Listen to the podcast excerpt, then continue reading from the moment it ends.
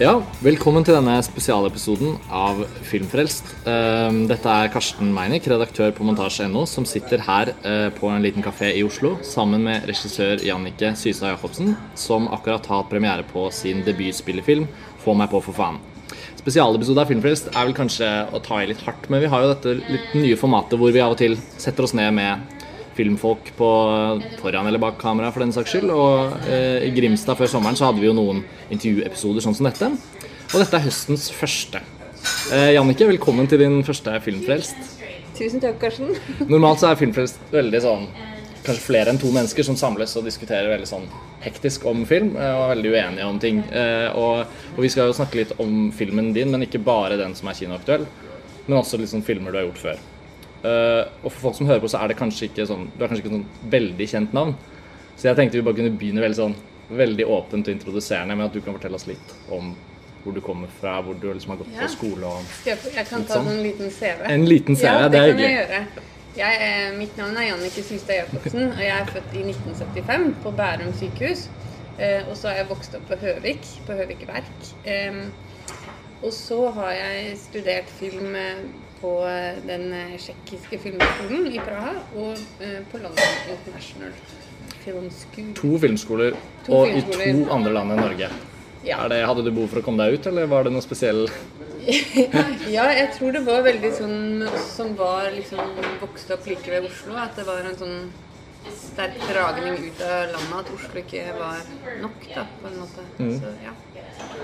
Så Så det var grunnen. da ble det utlandet. Ja. Men det var, hvordan er liksom Men det, miljøet man skal, jeg skal også si nei, nå, nå tuller jeg egentlig litt med deg. fordi på denne tiden så var det ikke noe filmskole i Norge. Det var liksom Da du Volda. Ok.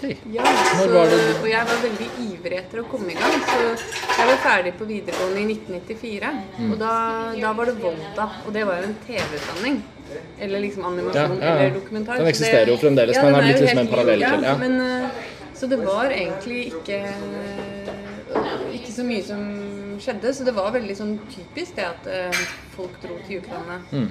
på den tiden. Så det var jo ikke bare For den norske filmskolen på Lillehammer den ble startet i 97. Ja. Eh, og du, gikk du i Tsjekkia først, eller hvordan Ja, jeg gikk i Tsjekkia i var det 95-96. Og så, jeg, så begynte jeg i London i 97, og det var vel akkurat liksom litt senere den høsten at det første kullet Ja. På Lillehammer begynte. Så hvordan var det miljøet der? Var det noen andre norske som studerte samtidig med deg, eller var du da den lille fisken fra Norge Nei, som vi var ganske mange fra Norge, egentlig. Det var vel sånn kanskje nesten en tredjedel som var fra Norge. Så det var mange som liksom kalte det den norske internasjonale filmskolen. Okay. Det var, var en del som gikk der. Så jeg gikk jo bl.a. i klasse med eh, Jakob Inge Mundarsson og Bobby Pierce. ja, Fotografen og regissøren av Ja. Gullpalmevinneren 'Sniffer', Nettopp. for de som ikke vet det. Ja. Så det var, men det var, ja, det var midt på 90-tallet, så jeg tror første gang jeg la merke til navnet ditt, var vel da jeg så den eh, dokumentaren fra Nå holdt jeg på å si fra Øst-Tyskland. Altså ehm, oh, han, Ja, nettopp. Ja, eller Sandmann. Sandmann var det. Mm. Og det var, var det liksom første filmen du gjorde sånn i- som kom, som liksom kom til Norge, på en måte? Eller når, når, hvordan var overgangen fra Nei, skole til Nei, eh, fra skole til uh, det, det var jo liksom Jeg følte på den, det tidspunktet at det var fryktelig mye oppmerksomhet rundt de som kom til Norge. se, Nå ble vi litt avbrutt av en smoothie Ja, det var jo ikke Men før det så lagde jeg jo noen kortfilmer. Mm. Eller kortdokumentarer. Um, det var egentlig litt sånn um, I London så hadde jeg vel laget to sånne korte dokumentarer. Mm. Som, og så hadde jeg liksom fått litt sånn dreisen på det, kanskje. Og så syns jeg at det var veldig gøy å finne historier i virkeligheten, og så forme de inn i en visuell eh, Ramme. ramme. Ja. så det syns jeg Så det, jeg liksom hadde en hadde en idé når jeg kom hjem eh, ja, om, ja, nå roter jeg meg litt bort her, men det var i hvert fall det som var, det hadde vært eh, frimerker med fyr på i tre forskjellige land, og det var i Taiwan, Norge og England. Mm. Og så skulle jeg lage en dokumentar som liksom skulle ta for seg alt dette her da, i en smøre. Ja. Men eh, så resulterte det i hvert fall i, i to kortfilmer. Altså først så fikk jeg noen bitte små penger for å dra til Taiwan og lage en som het En liten rød prikk. Mm. Eh, og så lagde jeg den norske, som var filmbok og Fyret. Mm. Eh, og så tror jeg det var etter det at jeg tok kontakt med medieoperatørene. Eh, med den eh, Jon Blund-ideen, da. Eh, og så tenkte jeg at den For disse to første, det var det egentlig Ja, de produserte jeg selv. Ja, Rett og slett. det var de første etter skolen. Ja, de, det var de første etter skolen, så de gjorde jeg liksom gjorde, Den ene gjorde jeg jo foto på og klippet selv, og den andre gjorde jeg ikke foto, men da ja, liksom, Du holdt på den litt sånn selvdrevne ja, ja, studentenergien. da. Men det var også litt sånn der fordi eh, Jeg fikk jo vist to, de to korte dokumentarene fikk jeg jo vist i Grimstad i 99. Ja. Eh, så det på en måte åpnet døren til pengene, men det var Jeg liksom skjønte ikke helt det der med produsenter, og de er jo ikke sånn det er det jo kanskje ikke nå, det er, var det ikke da. Sånn supersugne på å produsere dokumentarer, eller kort, kortfilmer, mener jeg, som de liksom egentlig ikke tjener så mye penger på. Da skal det være noe større. Noe mer ved det. Og var, Noe mer ved det, ja. var den ideen om uh, Jon Blund, den hadde på en måte litt bredere Ja, det var jo et mye større prosjekt. Det skjønte jeg jo at det var jo sånne rettigheter, og man måtte ha mer penger. Og det var mer en TV-dokumentar, da. Disse andre var jo sånn fem og ti minutter eh, og sånn. Så, så da tenkte jeg at ja, men nå må jeg jo Og så var det vel litt sånn at jeg også sakte, men sikkert gjennom disse filmene ble litt kjent med litt flere. og eh, for det er jo det, man blir jo ikke så godt integrert eh, når du har studert i et annet har i et land? land, så det tar jo litt tid å rett og slett orientere seg. Hvem er hvem, og bli kjent med folk. Og jeg er ikke sånn kjempegod på sånn derre sånn nettverks... eh, utspekulert nettverksbygging. Eller målrettet nettverksbygging. Men da snakker jo filmene ganske tydelig for seg selv. Da. Så det med å lage de kortfilmene og, og Ja. få den Jon Blund opp på bena, liksom, det ble jo, gjorde jo, må ha gitt deg en form for synlighet. For så i årene som fulgte, så har jo du vært liksom en ganske profilert dokumentarist, egentlig. Jo, men det, altså, det Nå tok jeg utgangspunkt i at kanskje ikke så mange har hørt om deg, men du har jo jobbet med dokumentarfilm aktivt nå siden da, i ti Ja, år. Så det har jeg jo. Så ja. Så det var jo Men jeg, det var jo også sånn Jeg tror jeg bare liksom var litt sånn sjenert og holdt litt på meg for meg selv og ikke liksom tenkte at det går fint. Men så Men når jeg tok kontakt med medieoperatørene, så var det vel litt sånn at de også fra før av visste hvem jeg var og visste hva jeg drev med, og var blitt litt sånn tipset om at henne burde dere kanskje Burde dere kanskje jobbe med? Men Det det, hørtes veldig dumt ut, merker jeg. Men altså, det- de det var ikke sånn at jeg, jeg liker egentlig best å gå rundt og tro jeg er usynlig, og så er jeg ikke det. Eller ikke helt 100% da.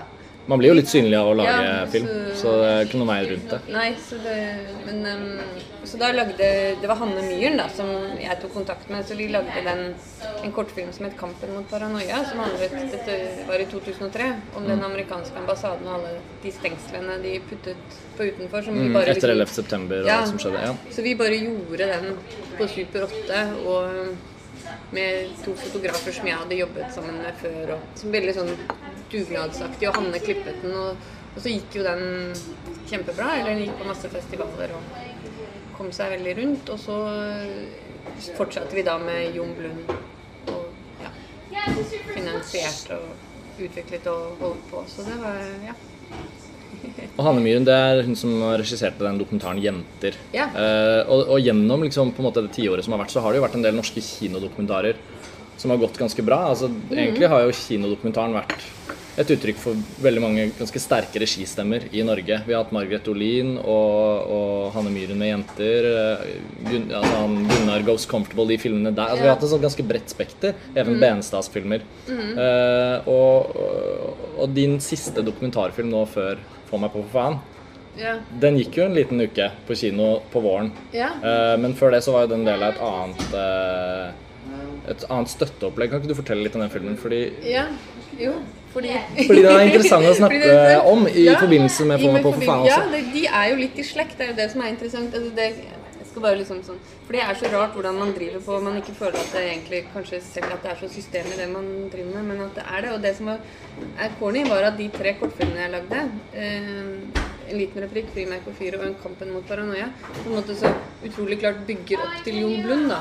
De liksom, Man bruker voiceover og ulike klippeteknikker og musikk, og liksom så kulminerer det litt med den Jon Blund-filmen. Og så ehm, og så liksom det motsatte i en veldig sånn naken retning med den ehm, formmessig, syns jeg i hvert fall, da, i den um, fra et vennskap som var del av Nye veier eh, til dokumentarfilm. Og den drev jeg på med ganske lenge. Og parallelt med den så skrev jeg jo manuset til Kommer på faen. Så de to har på en måte Jeg har nesten laget det liksom parallelt, da, ikke sant. Ja. På de fem årene så har jeg eh, ja, laget begge de filmene og vært i utvikling og i opptak i et år og klippet og altså Og det er jo et interessant Ja. også eksempel når du er en dokumentarfilmskaper. Altså Bare fordi du har gjort mye dokumentar, så blir du jo det, men så skal du også ta et steg og lage en fiksjonsfilm som er en, også en spillefilm. Og når de to Det var to forskjellige produksjonsselskaper, var det ikke? Scene Jo, det var, jo, Speranza var det jo som er ja, som er. Margrethe Olin og Thomas Robsams ja. uh, selskap. Og så er det Motlys uh, som har produsert For meg på, for faen. Ja. Uh, men det bringer oss litt over på det som egentlig er også veldig interessant i den overgangen. Som liksom si, forhåpentligvis sier en del om forholdet mellom både form og innhold og sjanger. Ja. for Scenen fra et vennskap som film føler jeg er en veldig eh, Den handler jo om to kamerater, eh, til de som ikke har sett den. Den, eh, den er veldig på en måte veldig observerende film. Nesten til det punktet hvor kameraet føler jeg forsvinner litt. At man blir bare til stede i de situasjonene. Eh, og, og det er også veldig eh, sterke relasjoner i Få meg på, for faen. Samtidig så har den hatt en helt annen produksjonsstruktur, og den er veldig som en klassisk fiksjonsfilm. Uh, da, da liksom arbeidet på de to prosjektene gikk i gang, var det nesten parallelt utvikling på dokumentar og at du startet med å skrive manuset? På Få meg på, På, for på, faen? ja, vet du, det tror jeg var ganske sånn øh, Ja. Det, ja. Det var nesten sånn at jeg tror det hadde jeg drevet med Jeg hadde vel holdt på med det kanskje liksom et år, det manuset, når jeg begynte med scener fra et vennskap. Mm. Mhm. Så det Hvordan foret de over på hverandre, de to prosessene? Eh, nei, det som var, var fint, var vel liksom sånn at jeg, jeg syns jo Scenen på et vennskap er kanskje det gøyeste prosjektet jeg har jobbet med. Fordi det var sånn Det er jo et eksperiment, og så var det så utrolig fritt. Så var det sånn formeksperiment. Også sånn nærstudie av to kamerater og hvordan de kommuniserer med hverandre. Og liksom et forsøk på å skape et rom for et vennskap som det ikke er så lett å finne rom for lenger. Og så, um, men mye av Jeg syns det var kjempeinteressant hvordan, å studere rett og slett hvordan folk snakker sammen. Da. Og det var sånn når vi hadde vært på opptak og jeg, og jeg etterpå satt sammen med vennene mine, så begynte jeg å høre hvordan vi prater. Så ble jeg helt sånn derre nå, nå snakker jeg jo sånn som den eller den. Eller jeg begynte å høre undertekst, da. Det var utrolig, utrolig merkelig sånn greie. Men så det hjalp meg vel kanskje til å øh, skrive dialog, da, i manuset. Er det, At, øh, ja. For jeg tenker på det- for- Scene fra ekt, scene fra et ekteskap, det måtte jo komme. Scene fra et vennskap. Uh, det er en film hvor, hvor de to hovedpersonene uh, rett og slett står i lange lange bilder og på en måte bare snakker sammen. Da. Føles som om Altså Det er ganske lange tagninger uten at det blir sånn overestetisert. Og Samtidig så føles det jo ikke som en arrangert dokumentarfilm, men det føles også som en dokumentarfilm som har et ganske tydelig manus på en eller annen merkelig måte. Da. Altså Ideen om situasjoner og hvordan de vil være. Ja.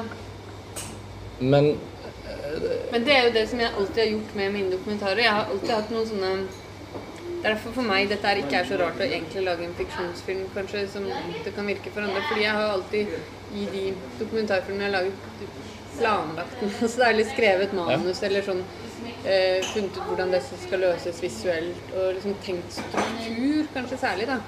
Eh, så, så men men ja, den scenen fra et vennskap er kanskje den mest ekstreme i så måte, fordi den Det er mange som syns det at den virker skrevet eller Men den er jo ikke det. Det er noen rammer som er på en måte vært der, noen ting vi skal følge, og noen tråder som er dukket opp. Og så var det jo også sånn hvordan eh, hvordan livet har sin egen dramaturgi, da. Mm, For det skjedde jo ting underveis mens Ja, du filmet ikke... som gjorde at filmen endret seg. Ja. At dere på en måte skrev film Eller skrev og skrev. Altså, Nei, jeg, jo, jeg så jo for meg én bue, og der sluttet det. Og så Ja.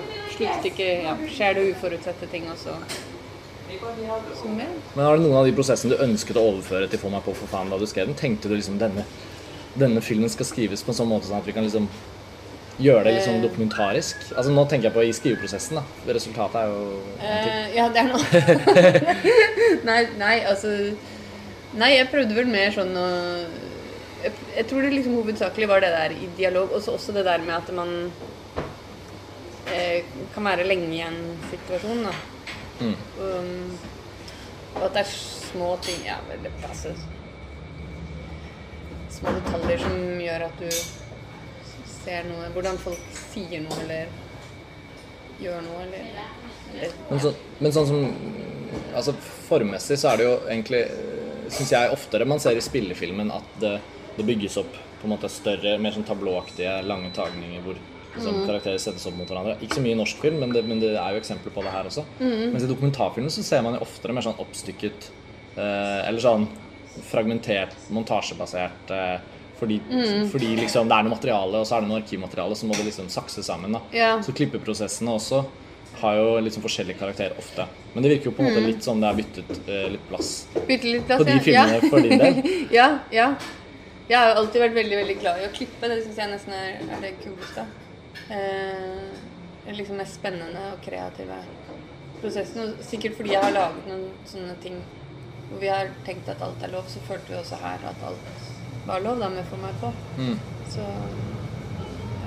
Jeg tror Even Benestad har sagt noe om det at liksom Og man ser det også på hans filmer, egentlig, at uh, istedenfor å jobbe med på en måte fiksjonsmateriale, altså sitte og skrive alt fra bunnen av, så, så går han inn i veldig sånne sterke, tydelige menneskekarakterer som man kjenner, for så vidt, men, men som liksom har et så dramatisk liv at det å filme, være inne i prosessene på en måte med kameraet, mm. liksom ta det inn, klippe det, filme klippe altså, altså at filmene nesten skrives, klippes i prosess, ja. Uh, er på en måte en arbeidsmetode som funker for han. Jeg er sikker på at i løpet av din film så har du på en måte funnet en, en metode som, som har, gjort, som har liksom gitt deg muligheten til å lage film sånn som du vil gjøre det. da. Ble overgangen til fiksjonsfilm veldig brå der, eller føler du at liksom, du har fått tatt med deg de tingene du uh, jeg tenker jo de tingene jeg har fått tatt med meg hovedsakelig, er kanskje litt sånn der i formspråk eller sånn den tilnærmingen og manus sånn. Jeg vet ikke, Overgangen er jo fryktelig bra, fordi det er, det er så mye mennesker, og det er så mm, en del penger, og alt skal planlegges, og, sånn at det kan gå mest mulig effektivt. Man får brukt denne tiden og disse pengene på en god måte. da. Så man er jo ikke så fleksibel til å bare liksom endre på ting. eh, Og det er Ja, det tenker jeg også.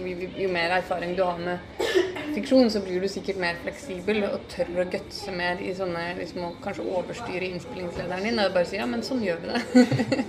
Mens man liksom kanskje blir litt redd eh, for å ikke få, få rukket alt og altså At, at tid og press er Tid mer og press og penger styrende, ja, er mer jo styrende elementer. styrende. Så Men det er jo mange andre ting. Jeg syns jo f.eks. det vi får meg på som var viktig for meg, var jo at, eh, sånn at vi har castet opp i Sogn og Fjordane. At det var en sånn slags At de som ungdommene som jo ikke er skuespillere, men som skal gestalte dette her, at de har, eh, har, har disse erfaringene som er i manuset og i karakterene. At de har de selv, da. Ja, at de kan ta noe- de med At de seg. kan ta de med seg. At, de, at det ikke er noen vi har dratt fra liksom Fagerborg. og- Som skal eller spille dialekt. Ja, som skal spille dialekt, og som skal liksom late som de har sittet eh, eh, Ja, så jeg syns det var eh, Det er jo en sånn fin ting. Og så var det også liksom alle disse eh, Ja, den følelsen, da. Der. bringer oss jo nå veldig konkret inn på Få meg på, for faen. eh, Ja. Jeg føler jeg må si kort litt hva filmen handler om. For det kan Ja. godt hende det er noen som lytter som ikke har sett den ennå. Men mange har vel fått med seg at det har kommet en film, Få meg på for faen, som akkurat har gått sin første helg på kino. Og den handler om en 15 år gammel jente som heter Alma, ja. som er kåt. Hvis Ja. han sier det veldig, veldig kort. Det er veldig sånn, sånn. eh, Men det er en drivende del av Det er en drivende premiss, ja. Uh, Olaug Nilsens roman, som også har vært teaterstykke, mm -hmm. uh, er kildematerialet for filmen. uh, og du har skrevet på den og jobbet på den i ca. fem år, og nå er den her på en måte. ja. Føler jeg bare må si det for å liksom ta oss inn på det. Fordi det er jo ganske mye som jeg syns er spennende ved denne filmen å liksom gå litt inn på, nå som liksom har deg her. Så Vanligvis diskuterer jo vi filmene sånn. Likte den, likte den ikke, hva er det liksom, hvordan funka det? hvordan Filmfrelst er veldig sånn kritisk diskusjonsforum, og da er det liksom gøy å ta opp med deg det at det at du har den bakgrunnen som dokumentarfilmregissør, er jo på ett plan ganske synlig i filmen, men det var mye mindre synlig enn jeg hadde trodd. Altså, jeg opplevde filmen som en veldig sånn veldig sånn tight fiksjonspakke. Liksom, eh, I ganske positiv forstand, men også litt sånn Den føles eh, på en eller annen måte mer kommersiell. Altså Ikke at den ikke kan være det, men den føles veldig sånn um, liksom pakket. da Og Jeg hadde veldig lyst til å liksom få litt tid til å snakke litt både om, både om klippeprosessen og også arbeidet med liksom de nærme, næreste kreative samarbeidspartnerne dine. Mm. Det har blitt skrevet mye i avisene om liksom tematikken i filmen, og alt det der men jeg tenker Ja. kanskje det kunne vært mer interessant at vi snakket litt om måten den er gjort på. da Ja, ja. og Til å begynne med så tenker jeg eh, litt på manuset. Det er klart, det er jo en adaptasjon, men du har også jobbet ganske lenge med det og sikkert fått et veldig personlig forhold til materialet. Kan du si noe om hvordan det var liksom å skrive en film som skulle ha på en måte ditt preg, men som samtidig var veldig Den er jo ganske tydelig satt når man jobber med tidlig materiale, er det ikke det? Hva mener du? At det er liksom Du har, eh, du har liksom rammene for fortellingen som er Jo da, jo jo. Men så er det jo også litt sånn at jeg ville jo aldri funnet på å adaptere noe som jeg ikke kjente meg igjen i. Nei. Så hvis jeg ikke hadde kunnet relatere meg- til det, så, så ville jeg jo ikke Så ville det vært vanskelig for meg. Men jeg føler jo at eh, den måten som Olaug Nilsen eh, skriver på, både fortellermåten med blandingen av fantasi og virkelighet, og litt at du ikke vet helt hva som er hva hele tiden, og eh, karakterbeskrivelsen, humoren, universet eh, Det er liksom noe jeg føler at eh, jeg kan sterkt relatere til. Eller Ja. noe, altså, jeg vet ikke, det er vanskelig Men man- å beskrive det, men altså, jeg føler at det jeg føler ikke at det er noe jeg kunne ha skrevet, men jeg tenker at det er noe ja, En historie du kan fortelle, på en det, måte. ja, og det er det. Og så har jeg jo da Og særlig det med humor er veldig viktig for meg. Og det at det er en litt sånn absurd, surrealistisk setting. Og også det at det var eh, liksom hverdagslige små problemer som liksom eskalerer ut av proporsjon til noe sånt. At det ikke trengte å være noen som er kjempesyk og skal dø, eller altså Som det ofte er. Det er ofte sånne Jeg syns ofte filmer er drevet av sånne Ekstreme, ekstreme eh, situasjoner. da. Mens jeg føler ikke at livet mitt så føler jeg at det, det er ofte bitte små ting som, som er kjempeviktige for meg, som blir eksistensielle, og som man liksom og som jo eldre jeg blir, så føler jeg jo også at alle vennene mine også er sånn. da, At vi Mm. går rundt og liksom vi går litt på nåler hele gjengen og, og, og føler på sånne rare ting. da, Mens, eh, så, mens at når det er noen som skal dø, så er det egentlig litt annerledes. Ja. Så ja. Jo, men det er også lett Når man sitter og ser filmen, så føler jeg jo at, at den, den, eh, den overfører veldig tydelig gjennom hovedpersonen at de små tingene på det tidspunktet i livet hvor man opplever dem, Ja. kan være alt. Altså krisen med å bli frøst ut på skolen fordi noen har kalt deg for pikk-Alma, på en måte. ja. Og håndtere det i alle retninger av livet. Rømme litt unna og komme tilbake igjen, og så, så er man på igjen, da. Mm. Ja, det, er det- det er jo en liten hverdagsfortelling. hverdagsfortelling, Det er jo en liten hverdagsfortelling, og så er det jo også det, det som jeg snakket om nå, er kanskje også helt ekstremt når det gjelder ungdom. da. At de er vel enda mer overfølsom på dette kanskje enn Mm. voksne. eller da. Det er jo en liksom klassisk sånn- ungdomsfilm på en Ja, måte på en måte. altså, Men det begynte jo det, For min del så begynte jo ikke det. Jeg drev jo sånn grunnen til at jeg har skrevet på dette lenge også, var jo at jeg, jeg holdt lenge på å flette inn alle de tre historiene i boka. Ja, jeg har ikke lest boken. jeg. Nei, men det er, tre, det er tre forskjellige historier. Det er en Ja. frustrert eh, mor til åtte, som Ja. er husmor, og så er det en Maria sosiologistudent i Bergen, og så, som liksom er dratt fra Skodheimen. Mm. Hun første er også i Skodheimen, og så er det Alma. Det er liksom de tre Ja. historiene. Eh, og så eh, Som på en måte ikke henger sånn kjempemessig sammen, men i boken er de bare fire løsrevne deler. Eh, to om Maria og en om de andre. Men, Mm. eh, så jeg prøvde vel å flette dette sammen, og det Og så etter Så var det liksom alltid den Alma-historien som stakk seg mest ut. Og så var det sånn Så byttet jeg produsent på et tidspunkt i denne prosessen også, og da var det vel litt sånn Da var det sånn at, da sakte, men sikkert så røk alle de andre, og så For da kunne det jo nesten blitt en av disse flettverksfilmene. Det. Det høres jo ut som eh, Det er jo en del norske filmer som har gjort det på den måten. Ja. det Eh, internasjonalt også. Men du har valgt å spisse det med Ja, og da var du, når jeg da til slutt satt med dem eh, For først så røk hun kona til Sebjørn, så var Maria med liksom litt lenger, men så eh, røk Maria også, og da var det på en måte Og parallelt med dette så utvidet jeg jo på en måte Alma, sånn at Alma skulle bli hovedperson. Eh, så den historien er jo ganske utvidet i forhold til hvordan boken er, da. Og manuset var jo enda mer utvidet. Og så har det blitt eh, Det er en ganske kort film. Ja. Den er veldig sånn Altså, er den eh, I hvor stor grad ble liksom filmen formet etter at dere begynte å filme? Altså, er manus omtrent identisk med hva dere har, eller har dere liksom Ehm, ja, altså strukturen i manus er nok ganske lik. Uh, det er den. Manuset er vel ofte sånn, litt sånn at scener er litt lenger.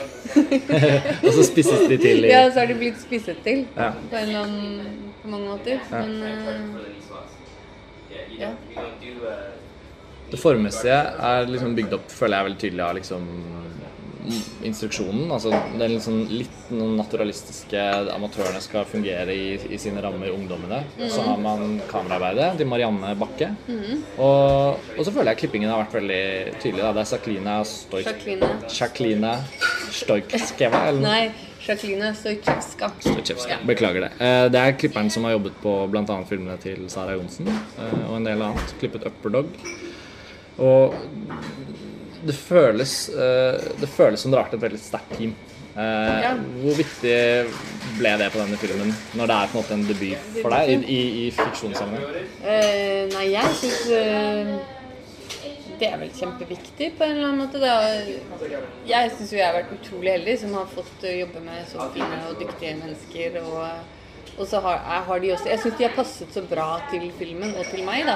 Eh, det er folk jeg har kommet veldig veldig godt overens med og, og har- lært utrolig mye av. Og også hatt utrolig fine sånne kreative prosesser med. Så det, det har vært kjempe, kjempefint, altså.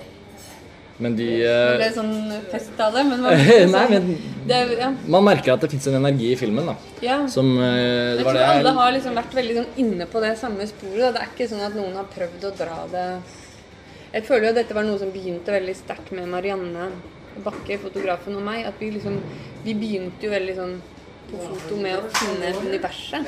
Sånn visuelt ved referansebilder og, og filmer og altså liksom hvordan historien skulle fortelles, hvordan universet skulle virke realistisk, eh, men corny. eh, Men troverdig. Og så føler jeg liksom at den visjonen vi hadde for hvordan historien skulle fortelles, og har på en måte spredd seg. De andre føler alle har dratt i samme retning, og det er jo en utrolig fordel. Var Marianne da eh, involvert i, i Altså var hun inne og leste manus og så var med å forme allerede Ja, tidlig i prosessen? ja. Vi var ganske Ja. Hun leste ganske tidlig. Det er jo en ting som jeg tenker at mange av de litt sånn ty de filmene i Norge som uavhengig av kvalitet har en egen energi eller har en få- får fram en sånn spesiell liksom, både formmessig, utseendemessig retning, men også litt sånn noe sånn litt sånn usigelig vanskelig å sette ord på, men sånn en energi som kan handle om forskjellige ting. handler veldig mye om team. Veldig mye sterk Noen som har funnet en fotograf eller kanskje en mannspartner eller hva det skal være, som liksom leder litt i en type retning. Og det som jeg syns er gøy med filmen deres, er jo særlig hvor, hvor tydelig filmen har fått en sånn litt sånn Den dirrer litt med et eller annet. Jeg lurer på kanskje om det kan ha noe med dette å gjøre, eller, eller kanskje med skuespillerne. Jeg vet ikke, Hva, hva føler du selv har vært liksom den, den drivende Jeg føler at, jeg føler at alt kommer fra, på den, en, på den, fra den stemningen som Marianne og jeg var ute etter å finne, da. Um, Har dere jobbet på fant- Ja, vi, var jo, det, vi jobbet jo på De som bygger landet. Så Marianne hadde foto på hele serien. Så lagde jo jeg eh, eller hadde regi på den som var fra Grandiosa-fabrikken på Stranda. Den serien, det var- De som bygger landet. Ja. Som Speranza produserte. Ja. Hva er det du sa for noe? Nei, jeg bare lurte på om du kunne fortelle litt hva det var. Hva det var? Nei, det var jo en serie sånne portretter fra ulike fabrikker. Det var vel Vesterålen fiskebollefabrikk, eh, det var eh, Grandiosa-fabrikken Ekornes, eh, Spikerverket, Freia og Norsk Statistikk. Så det var en slags sånn skildring og hedring av, eh, av norske arbeidsfolk. forskjellige regissører som Ja, gjorde som måte sine filmer, produsert av Speranza. Ja. Ja. Men med den samme fotografen da, eh, og den samme klipperen. Så hun fikk reist mye rundt på Vestlandet ja, i små fjorder.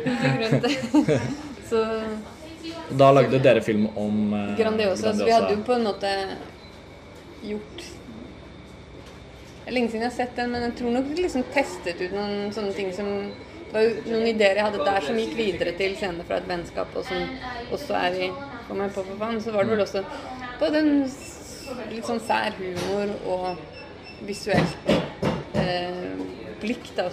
Også med en blanding av humor og poesi og melankoli. Eh, som de var på jakt etter, da. for dere skal jo faktisk traktere en del forskjellige stemninger i Få meg på, for faen, som på en måte er sånn Som ligger litt og gnisser mot hverandre av og til.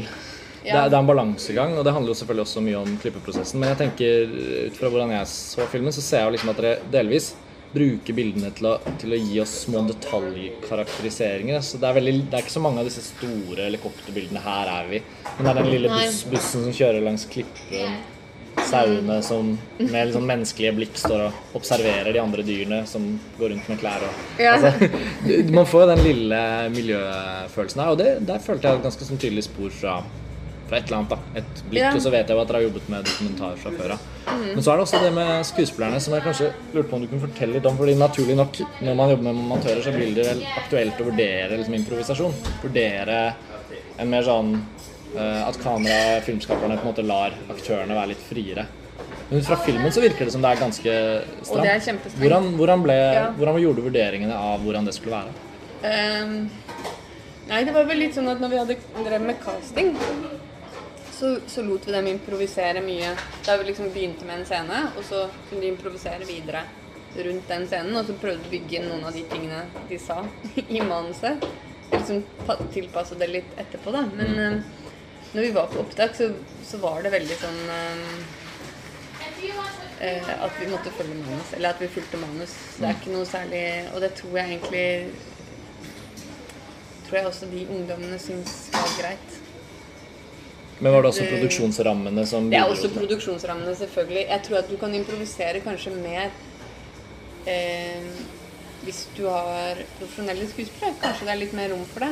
Men eh, med, jeg tror heller ikke de kanskje ville vært helt sånn komfortable med å gjøre det. Nei. Så det er jo sånn Ja. Ja, nei, men det Uten å si noe sånt. Nei, men det er jo det er, de, Ingen av de har jo vært med på noe film tidligere, så det er jo sånn eh, utrolig modig, syns jeg, å bli med film og ta på seg det. Gå inn i det apparatet. Gå inn i det apparatet og skulle ha 30 personer som står foran deg når du skal sitte i det lille busskuret, og så skal du lire av deg et eller annet Ja. som jeg har skrevet. Men det er jo, en for, det er det er på en måte en, en forestilling om at eh, ekte mennesker som er seg selv, Mm. på en måte har alle kan spille seg selv, på en måte, da, hvis, man, Ja. hvis, man ryddes, hvis man ryddes vekk fra spillet. På.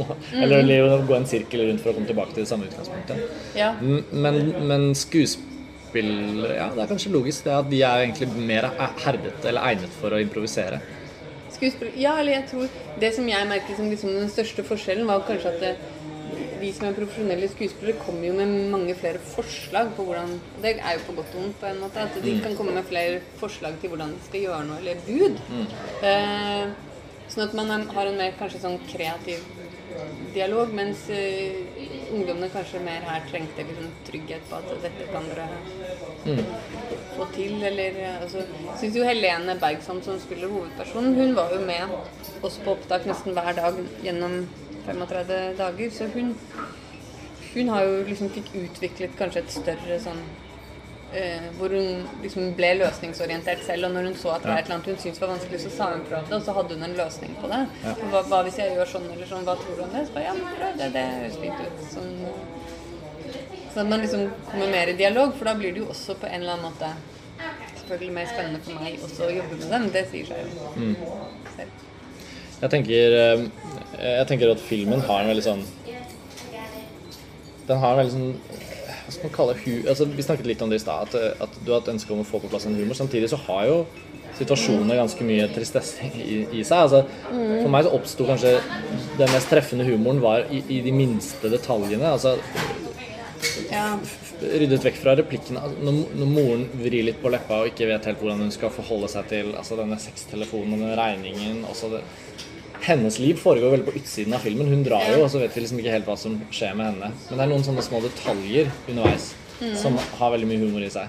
Ja. Eh, Men egentlig er det en veldig trist film også. Det handler jo om de som hadde det kjipest, på en måte, kanskje. Ja. Eh, utestengt fra skolemiljøet. Bestevennen din innser at hun ikke kan snakke med deg på skolen. Det Altså, er forferdelig. Syns du på en måte det triste kan være det morsomste?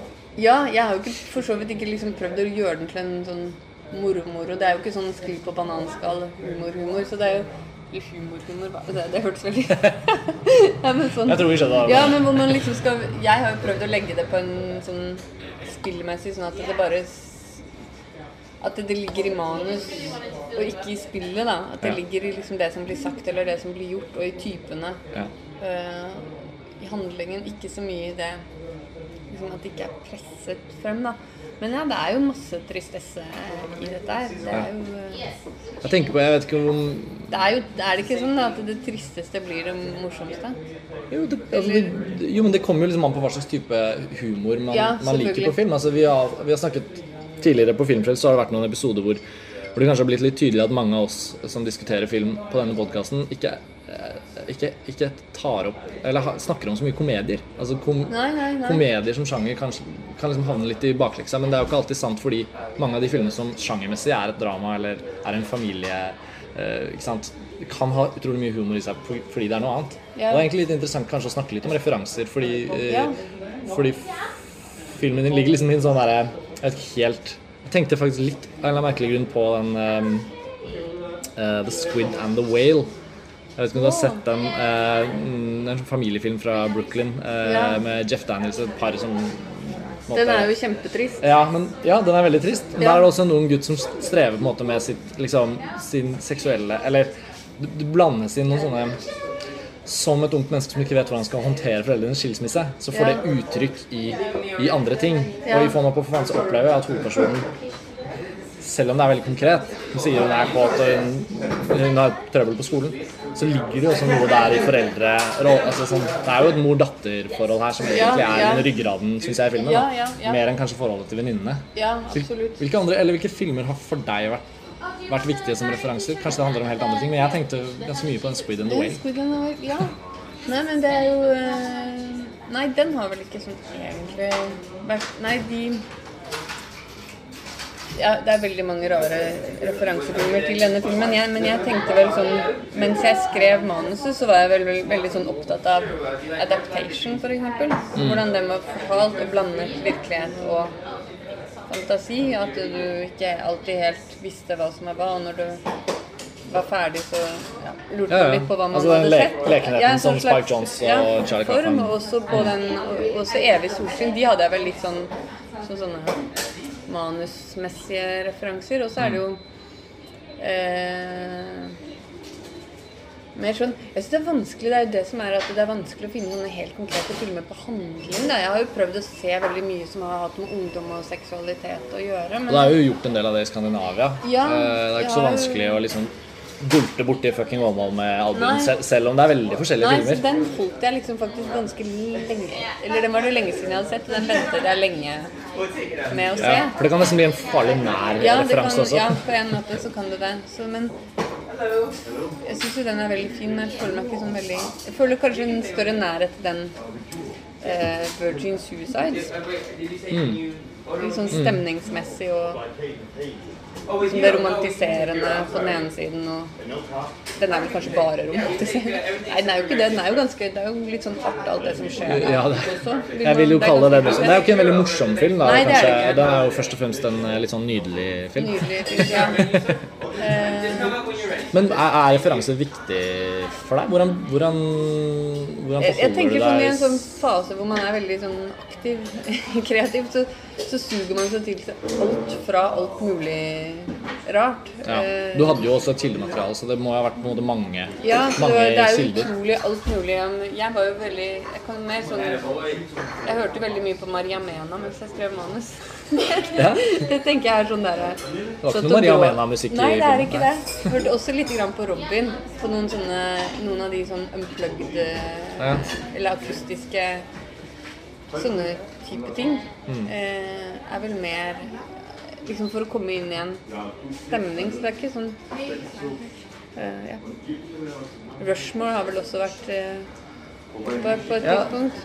Jeg tenkte, jeg tenkte ikke på Rushmore, egentlig. Fordi den, det er jo veldig lite Rushmore i, i Få meg på. Men det er jo en, etter mitt syn en av de absolutt beste sånn trøblete liv når du er 15-filmene Ja, ja. jeg kan komme på. Og også der handler jo problemet Altså spørsmålet om kjærlighet og vennskap som går på tvers av generasjoner, og der er jo konfliktene kanskje mer dratt ut.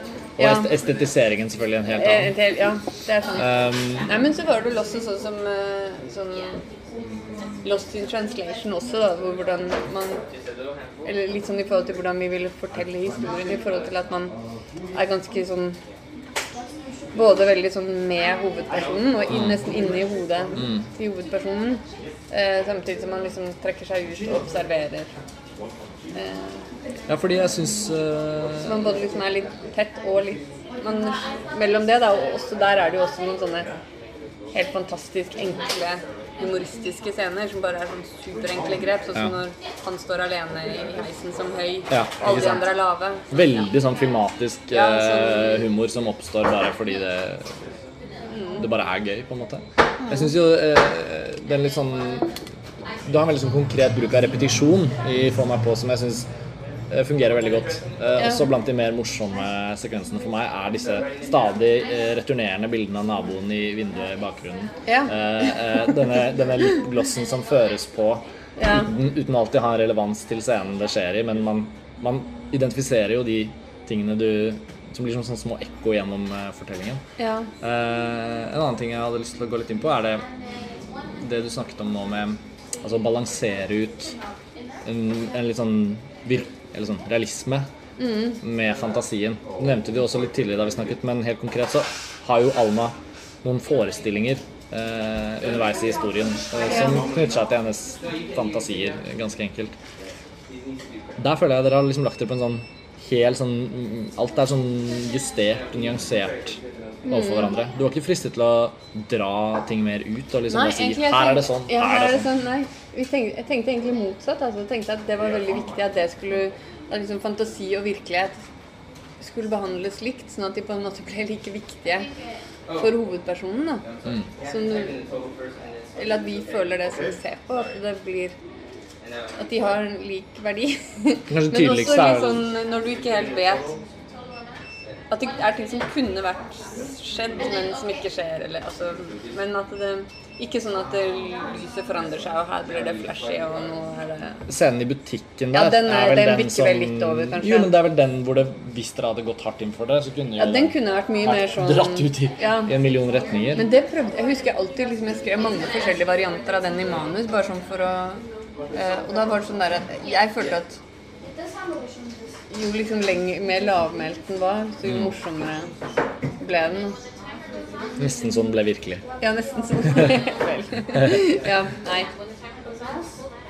Men eh, la oss snakke litt konkret om men nå er, nå er i hvert fall filmen ferdig. Det har jo tatt eh, noen år, eh, som vi skjønner. Det tar lang tid å lage en film. Eh, jeg bare så den på vanlig kino. Pressevisninger kan jo ofte være ganske sånn kalde og liksom Det er jo ikke alltid de varmeste omgivelsene. Nå har dere hatt mange festivalvisninger, og det har sikkert vært gøy for deg å se filmen med forskjellig type publikum. Eh, selv så opplever jeg pressevisninger som ofte liksom de merkeligste filmvisningene å gå på. Noen ganger fordi det er deilig fordi det er konsentrert, andre ganger fordi det blir for kaldt. da. Så fredag så var jeg på Oslo, nei på Saga og så filmen med pakka sal med alt mulig av folk. Det var veldig morsomt fordi jeg har jo liksom hørt deg snakke om filmen tidligere og sett noen scener på blått lerret og sånn. Eh, Men dette slo meg som en sånn veldig sånn popkorn-publikumsfilm. Det overrasket meg litt. Men folk var helt, folk, det var liksom sånn, var sånn elektrisk stemning i salen. Ja. Du må gjerne fortelle selv hvordan det har vært å se den med publikum, men, eh, men overrasker det deg at den er blitt det, er, Det har jo fått veldig mye besøk første helgen, og er det liksom Følte du at du lagde en stor publikumsfilm eller en liten kunstfilm? Jo, men det er interessant, da. Nei, Hvorfor blir noen filmer Ja, det, og hvorfor, hvorfor nei, blir andre fader, det er jævlig vanskelig å si, tenker jeg. Det er utrolig Det er jo umulig å Det jeg tenker med denne filmen, er jo som jeg Eller som jeg ikke vet, da, men jeg føler jo at vi har fått ganske sånn massiv pressedekning. Mm. At det har vært mye Skriverier. skriverier om filmen. Mm. Først liksom om at det er en sexfilm, og så at det ikke er det allikevel. Og så har den faen i tittelen. Og så er det faen i tittelen. Ja, nei, men eh, jeg føler det har vært mye skriverier, så jeg tror at liksom folk har fått den med seg. Men det er jo utrolig Nei, jeg vet. Det jo, jeg føler det rett og slett er litt rørende at folk går og ser en sånn film. For jeg tenker jo også at den Jeg tenker ikke at den er sær, men jeg tenker at den Eller jeg tenker at den er veldig Det er en veldig Det er en litt Jeg skal ikke vurdere min egen film, men det er en litt spesiell film. Men den er samtidig Kanskje det er en popkornfilm? At den er fryktelig sånn Den er liksom begge deler. Det kommer jo noen filmer av og til som, som publikum har større appetitt på enn man skulle tro. Og motsatt. Ja, At noen filmer som er konstruert for å være publikumsvennlige, ja. bare liksom er faller denne igjennom. på den måten der. Men den, når man sitter der og ser den, og jeg hadde jo på en måte med unntak av de scenene jeg hadde sett, så følte jeg liksom at jeg ikke egentlig kjente historien så godt. Og jeg var liksom klar for det. Det Ja. var sånn smil i hånda og brus i venstre. Ja. Altså, sånn. Det var jo Du hadde popkorn, du også? Nei, jeg hadde ikke Ja. popcorn. Men, eh, og det var på en måte en sånn Det var den derre Det var den derre popkornstemningen. Altså det var sånn Det var sånn Ikke det vel så mye kinoene? Ja, jeg vet ikke. Folk hadde i hvert fall en veldig klar respons til filmen. Ja, det syns jeg var morsomt. Ja, ja, ja. Eh, Men vil du si, hvordan vil du si liksom demographics? Ja, ikke sant? Det vil jo vise seg sannsynligvis nå som denne filmen begynner å tute og gå, men det er jo en periode nå eh, hvor folk kommer tilbake fra ferie, skal begynne på skole, altså folk skal bli kjent, eh, begynne på nye studier.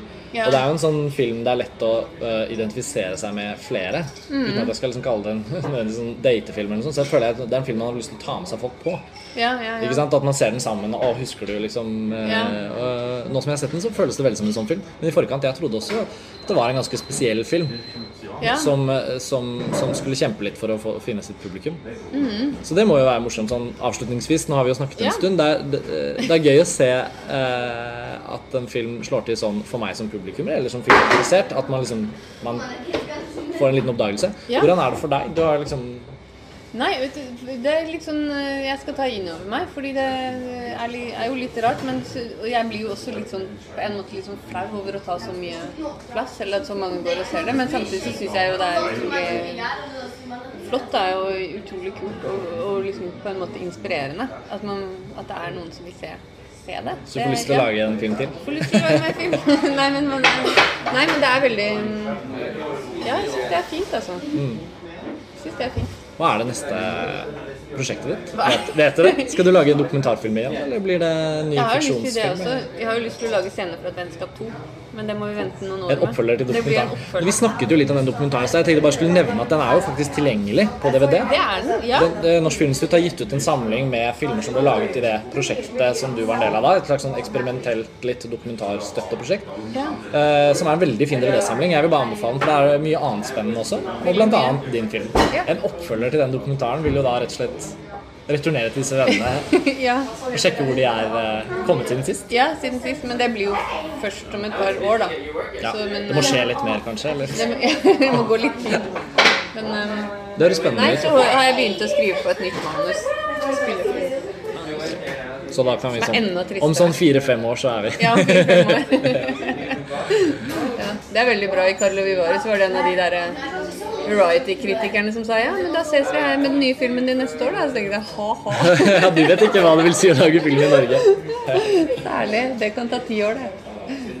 Men uh, vi er tilbake i Filmfrelst om fire, fem, ti år. Jeg vet ikke hvor lenge, men jeg håper vi kan snakke med deg igjen uh, neste gang du har en film på tapeten. Uh, takk for at du var med, Tusen takk. og lykke til i høst med alt annet som skal skje med filmen.